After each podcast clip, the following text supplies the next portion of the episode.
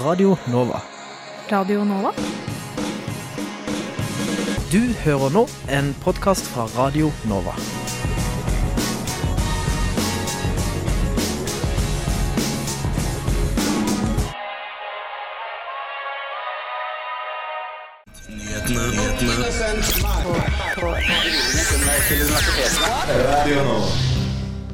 Hei og velkommen til denne ukas Studentnyhetene. Mitt navn er Celine Stensrud, og med meg har jeg Melinda Haugen. Og i dag så skal vi snakke om eh, litt forskjellig. Vi skal snakke om eh, hvis man skal på utveksling, så har vi noen tips. Det har vi. Vi har samla fem tips til deg som skal på utveksling. Det vil også bli innført endringer i stipendordningen fra og med skoleåret 2019 og 2020. Og vi skal høre hva dette har å si for studentene.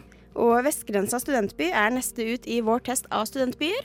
Og vi får besøk av studentpolitiker Christer Andreas Wroldsen.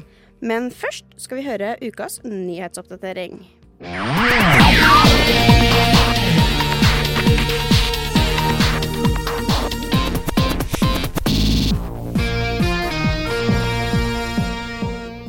Det blir ingen streik for lærerne, melder NRK.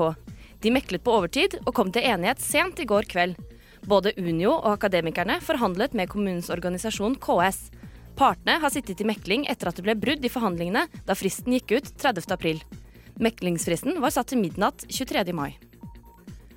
I mai 2019 er det 240 studenter som er utestengt fra sin institusjon eller fratatt retten til å ta eksamen.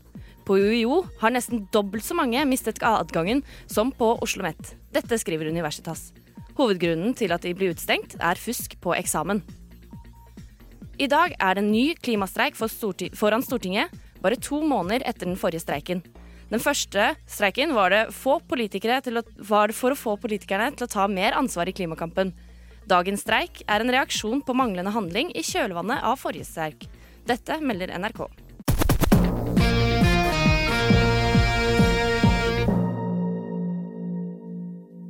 Eh, nå skal vi snakke litt om eh, utveksling. For eh, i disse tider er det mange på lesesalen som er nervøse for eksamen.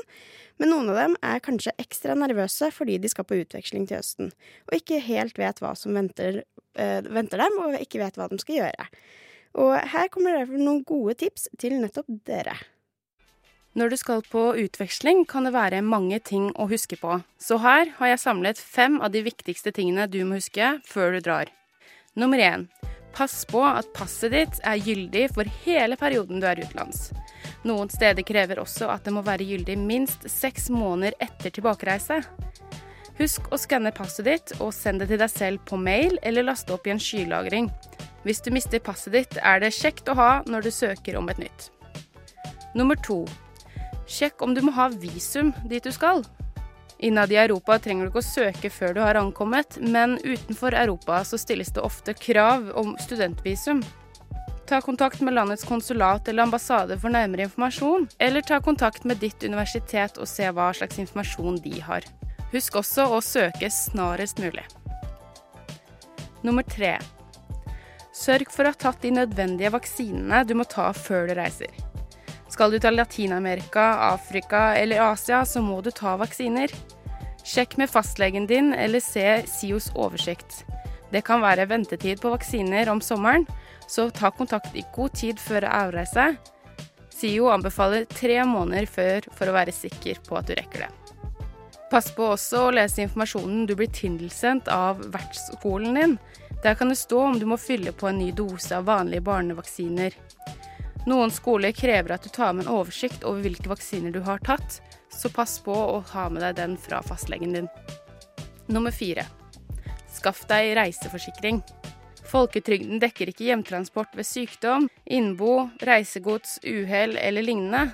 Det er derfor viktig å ha en forsikring som dekker dette for hele perioden du er i utlandet. ANSA, Organisasjonen for studenter i utlandet, tilbyr en spesialtilpasset forsikring for utenlandsstudenter. Og noen fagforbund tilbyr også dette. Noen universiteter krever at du kjøper deres egen forsikring, men husk da at du kan få tilbake pengene på dette fra folketrygden.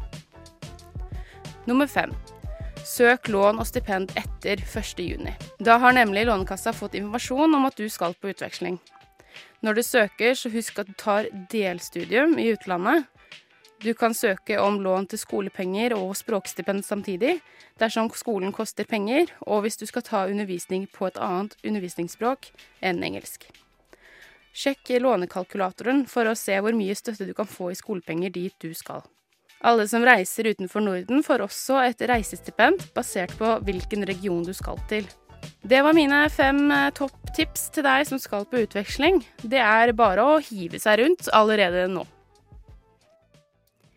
Ja, det lønner seg jo å eh, fikse de tinga man trenger å gjøre før eh, utveksling, og det er lurt å gjøre det tidlig. Reporter i saken var Elise Kubberød. Og eh, Melinda, Ja. utveksling! Utveksling, ja. Du skal på utveksling. Eh, hvis jeg kommer inn, så kan det være at jeg drar på utveksling. Det er jo moro. Hvor skal du? Eh, da blir det i så fall Utrecht i Nederland. Oh, Spennende. Av alle steder. Det er jo kjempeinteressant. Jeg vil tro det. har du eh, planlagt eh, hva som skal gjøres i forkant? Nei, jeg hører jo nå, jeg er veldig glad for at eh, jeg fikk disse tipsene, for det er ikke alt her jeg har tenkt igjennom. Jeg har tenkt at det er ganske trygt fordi jeg drar til Nederland, så jeg har for ikke tenkt gjennom det med vaksiner. Men jeg burde sikkert revaksinere meg, fordi jeg er jo blitt 26.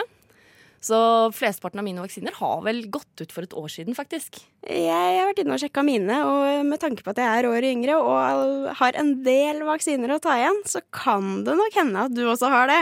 Mest sannsynlig. Hvor er det du har tenkt deg, Celine? Jeg skal til Pennsylvania i USA.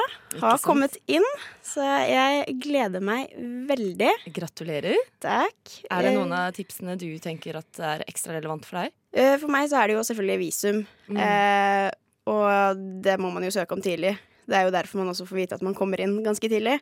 Så jeg driver jo med den prosessen, og det er en eh, lang, treig, slitsom prosess. Ja, Da er det godt at du har kommet i gang såpass tidlig, i hvert fall. Ja, så sånn som det ser ut nå, så bør jeg, selvfølgelig hvis jeg får visum, eh, ha det klart eh, ganske tidlig, sånn at jeg får bestilt flybilletter i god tid og slipper å betale veldig mange tusen selv, så jeg får støtta fra Lånekassa.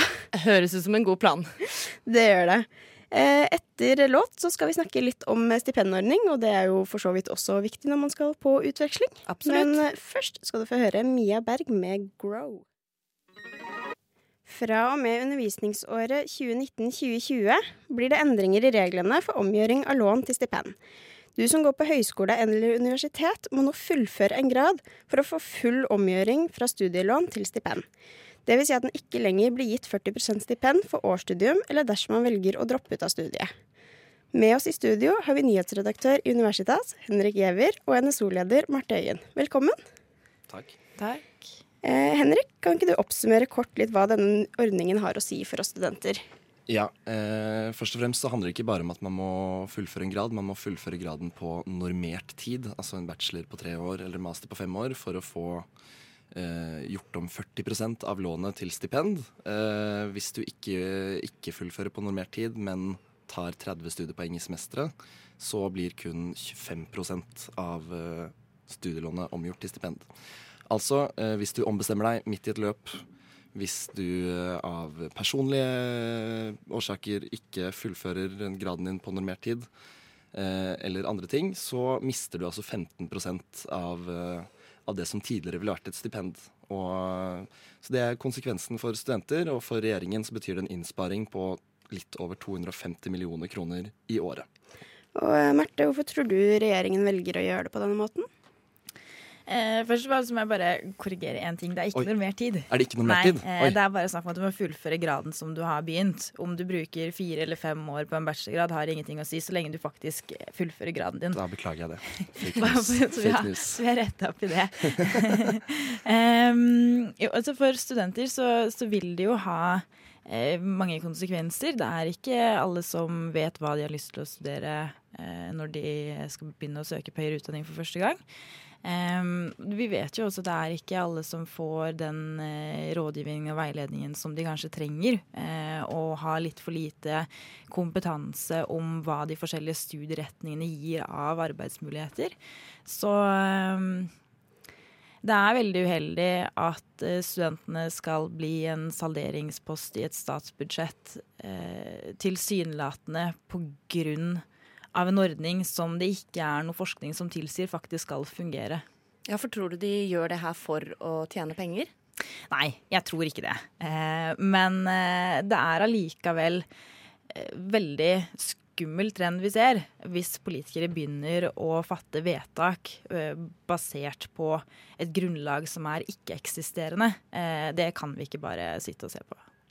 Eh, Henrik, dere har jo dekt ganske mye om det her. Eh, hva, hva, mener studentene om det her? Eh, jeg tror nok det er sjeldent at, at eh, saker som kommer fra regjeringen, vekker like stort engasjement i, i studentmassen.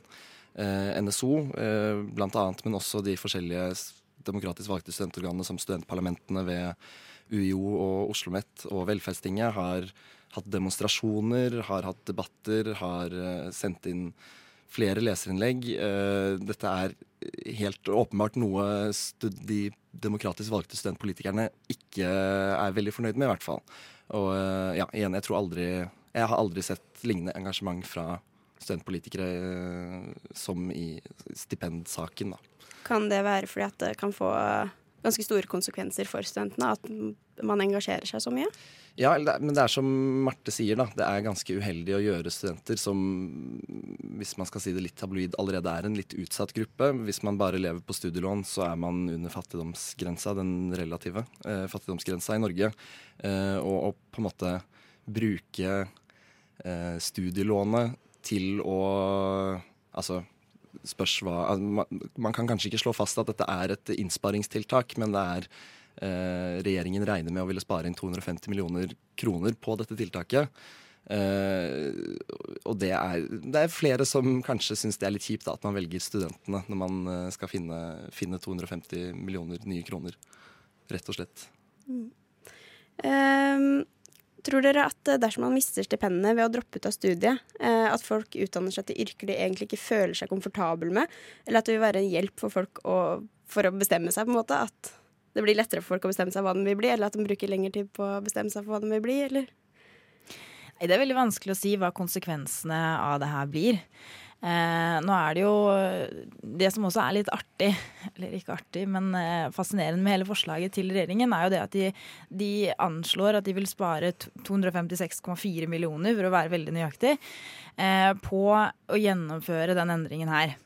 Men det er klart det at dersom de faktisk sparer den antallssummen, så har regjeringens forslag egentlig feila. Fordi de ønsker jo å gjøre den endringen her for å få flere til å fullføre. Men dersom det er like få eh, studenter som fullfører eh, fremover som det er i dag, så har jo egentlig hele intensjonen med innsparingstiltaket eh, egentlig feila.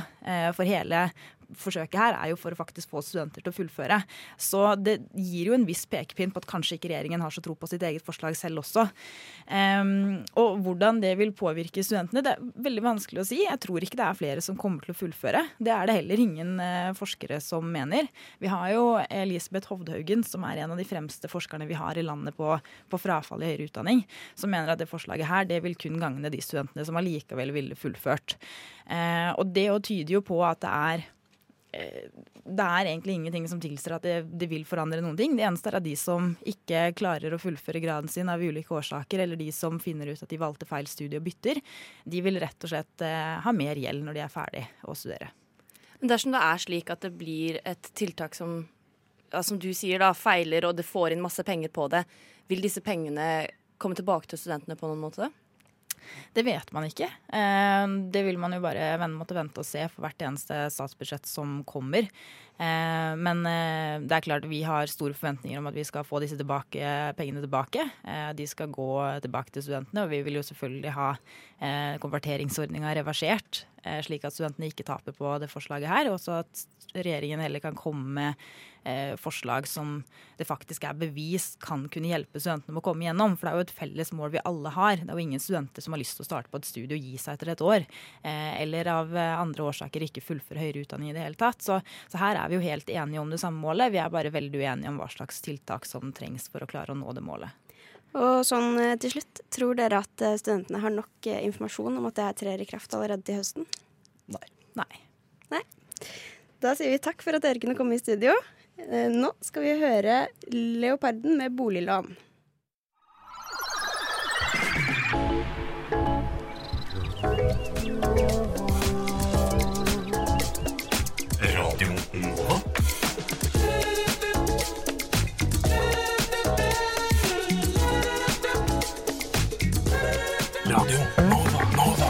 24 timer i døgnet, syv dager i uka.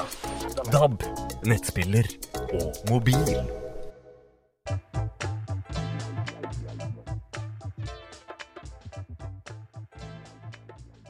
Du lytter til Radio Nova.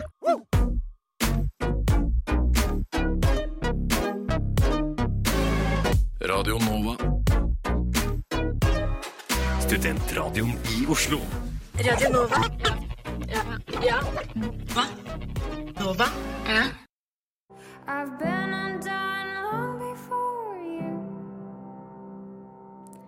Der hørte du Transviolet med Undo. Og vi har eh, nå med oss Johannes Saastad, som er ny studie- og læringsmiljøansvarlig i Studentparlamentets eh, arbeidsutvalg. Velkommen. Tusen takk.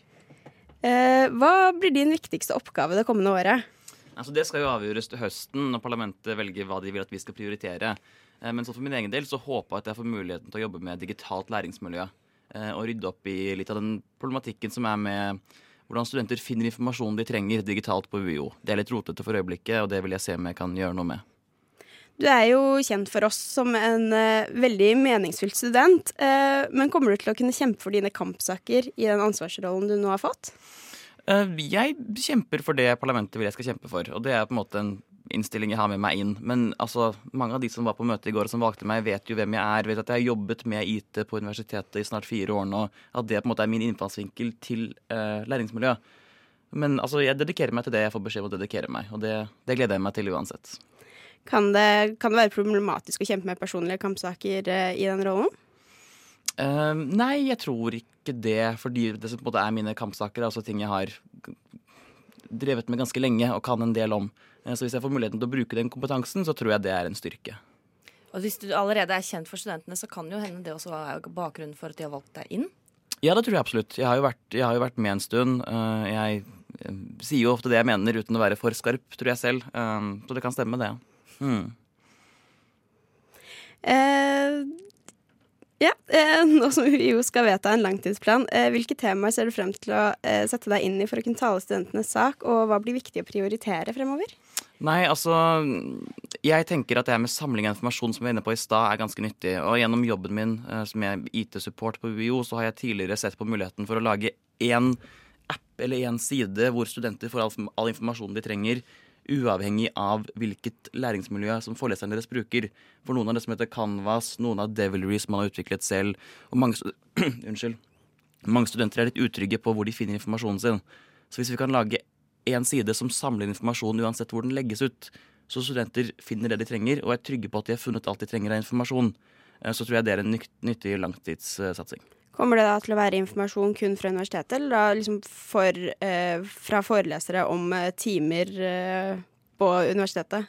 Nei, altså Hvis det er mulighet for å legge inn informasjon om altså, forelesninger som ikke er obligatorisk, ikke er til faget, men som kan være nyttige for studentene, så kan jo det være nyttig. Og det er det jo forelesere som legger inn i Canvas i dag. Så det går an. Og så kan man se på kanskje kombinere det med, med SIOs tilbud. Litt mer sånn helhetlig rundt studentlivet. Ikke bare, ikke bare forelesninger og, og fag man tar. Eh, kommer du til å skille din tilhørighet hos Venstrealliansen mens du sitter i AU, eh, og skal jobbe for flertallet i studentparlamentet? Ja, det gjør jeg. Jeg er innstilt på å jobbe med det jeg får beskjed om av hele parlamentet, og ikke bare min egen liste. Hvordan skal du klare å skille den tilhørigheten du har, i forkant? Nei, altså Det er jo bare å, å forholde meg til de beskjedene eh, jeg får. Til høsten skal vi vedta en revidert uh, politisk dokument, som er på en måte en lang liste med alt vi mener. Og da er jeg innstilt på at jeg må bevege meg innenfor det som er definert at vi mener. Uh, ja.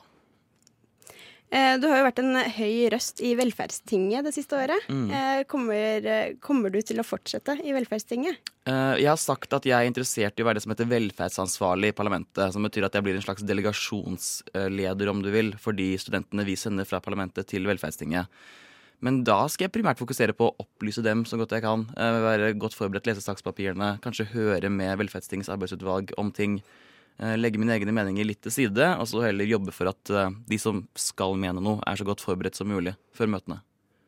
Det var da det vi hadde. Takk for at du kunne komme til oss, Johannes Saastad. Takk.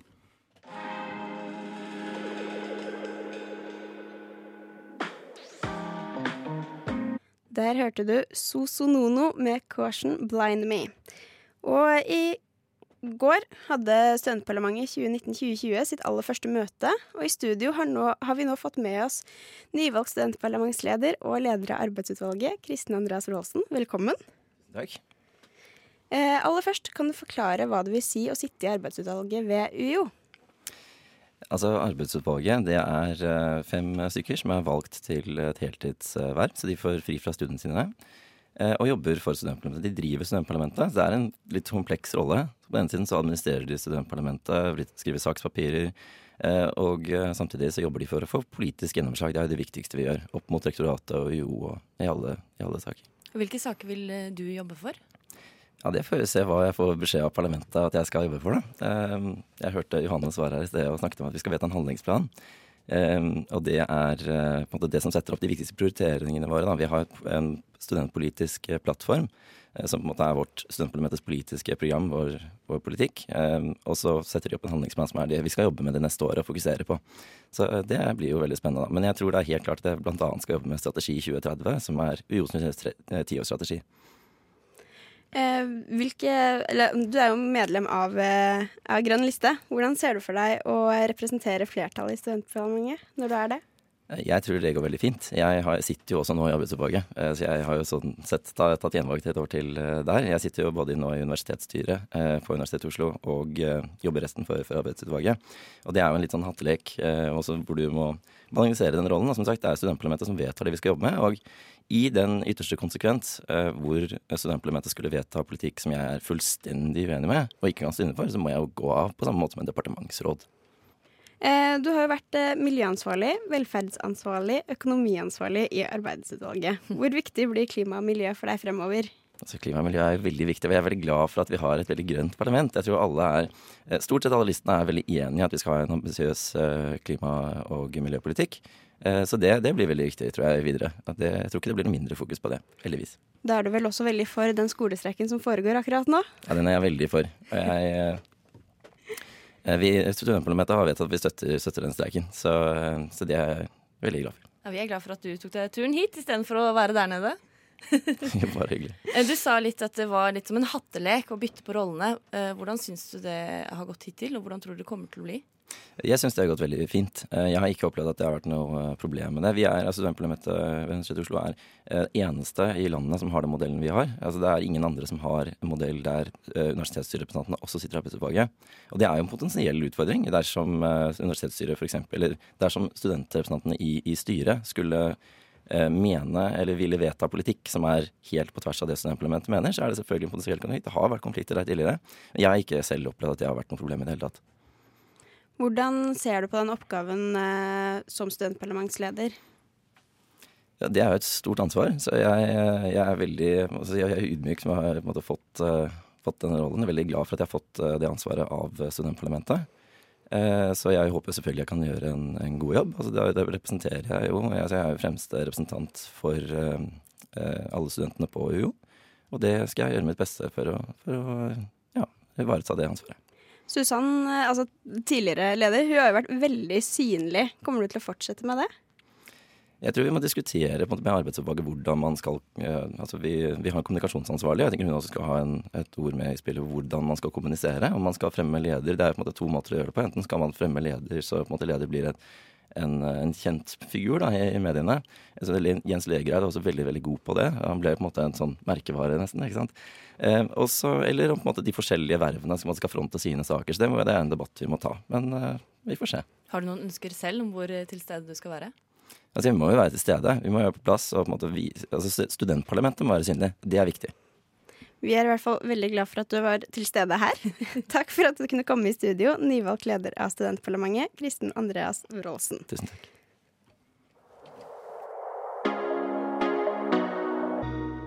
Der hørte du Kainalu med Kamikaze Mushroom Palace på Studentnyhetene på Radio Nova.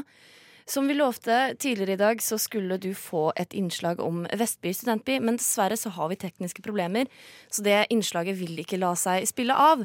Men isteden så skal du få høre fra Robin Leander Vullum i Skeiv Ungdom om hvordan det er å være intersex. Det å være interkjønn vil si at man har primære eller sekundære kjønnskarakteristikker som ikke passer inn i den veldig definerte biologiske boksen mann eller kvinne. For eksempel mannlige kjønnskarakteristikker kan være mørk stemme, det kan være skjeggvekst, det å ha en penis, det å ha små hofter, mens tradisjonelle kvinnelige kjønnskarakteristikker kan være f.eks. å ha brystvekst, det å være litt lavere, ha en lys stamme, ha mindre kroppshår. Eh, og det å være interkjønn er basically en blanding mellom de her kjønnskarakteristikkene, og det kan komme av veldig mange ulike typer biologiske forskjeller, som f.eks. For kromosomer, hormonnivå, en del sånne ting. Det er kanskje mange som blander det med, med transkjønn? Det, det skjer, eh, og det handler jo i utgangspunktet om to veldig ulike ting. Det å være trans eh, handler om kjønnsidentitet, og at man sjøl ikke identifiserer seg med det kjønnet man ble tildelt ved fødsel, mens når det kommer til interkjønn, så er det faktiske biologiske forskjeller fra det kjønnet man ble tildelt, eller som doktorer eh, på en eller annen vis gjennom kirurgi f.eks. ønska å tildele deg, fordi du ikke passa inn biologisk. Hva tror du at skjer når folk blir født som interkjønn? Hva, hva er det første som skjer idet de kommer til verden? Eh, det kommer veldig an på hvilken interkjønnsvariasjon man har, fordi det er ikke alle varianter som er synlige ved fødsel. En del kommer til syne først i pubertet eller senere i livet. Eh, men for de av oss som er født med kjønnsorganer som ikke er veldig tydelig mannlig eller kvinnelig, eh, så er det veldig ofte at doktorer f.eks. anbefaler kosmetiske operasjoner for å kunne tildele det her barnet et spesifikt kjønn. Um, og det er veldig synd, for i Norge så har vi veldig lite informasjon om den praksisen som faktisk skjer på dette feltet. Eh, men vi vet at det skjer en del kosmetiske operasjoner på, på småbarn sine genitalier, som småbarn som på ingen måte har mulighet til å gi samtykke. Tror du leger generelt har nok kunnskap om det her? Jeg tror ikke leger generelt har nok kunnskap om kjønnsmangfold i det hele tatt. Gjennom personlige opplevelser med helsevesenet som, som transperson, så vet at det på kjønnsfeltet, både når det kommer til kjønnsidentitet eh, og variasjon i kjønnskarakteristikker, at det mangler veldig mye kompetanse i det norske helsevesenet, dessverre. Altså, det, det, er veldig mye her som man vet veldig lite om. Det har blitt forska veldig lite på det. Eh, og det av forskning som finnes, er ikke veldig lett tilgjengelig. Hvordan tror du bevisstheten er rundt den tematikken? Det er veldig lite bevissthet rundt denne tematikken i Norge, eh, og det skjer jo igjen med at vi f.eks. ikke jobber noe særlig med dette temaet i de store LHBTI-organisasjonene. Eh, og vi har heller ikke noen egen organisasjon på interkjønnsfeltet som jobber med det. Ja, for hvordan er det egentlig å drive aktivisme for en gruppe som er såpass lite synlig ellers i samfunnet? Tilnærma umulig. Eh, det er planer om å prøve å starte med en egen interkjønnsorganisasjon i Norge eh, gjennom et par aktivister som jeg kjenner, men vi har ikke kommet så langt, for det er veldig vanskelig å finne folk som sjøl er interkjønn, identifiserer seg som det, og som har kapasitet til å være med å starte en organisasjon, for det er jo også veldig mye jobb. Hvorfor tror du det er så få som identifiserer seg som det, når det blir født mellom 10 og 12 barn som interkjønn hvert eneste år?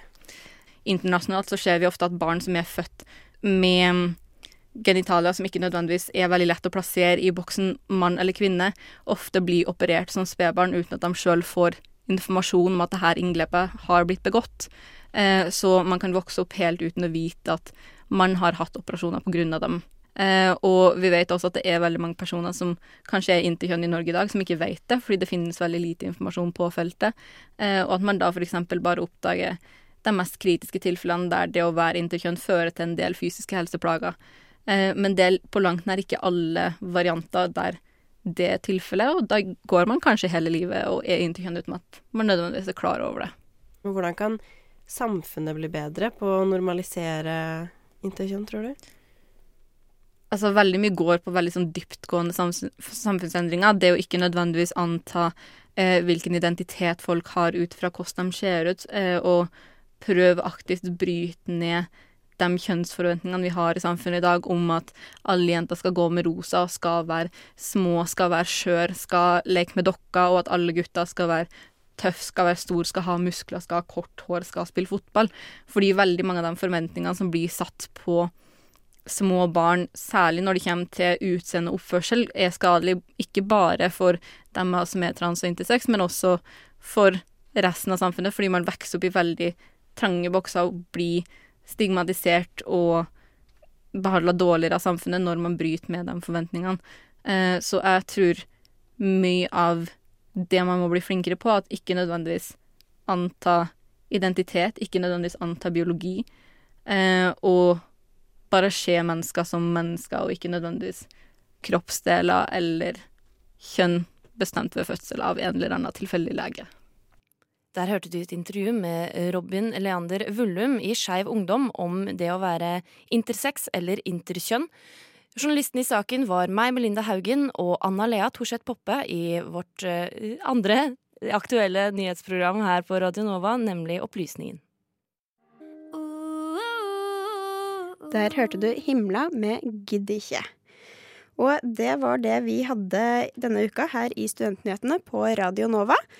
Du kan høre sendinga som podkast på Soundcloud, iTunes eller der du hører podkast. Du kan også finne oss på Facebook og Instagram. Og etter oss så får du politisk satire med radiotjenesten. I studio i dag hadde du Celine Stensrud og Melinda Haugen. Da gjenstår det bare for oss å ønske deg god helg med 612 og 612 for alltid.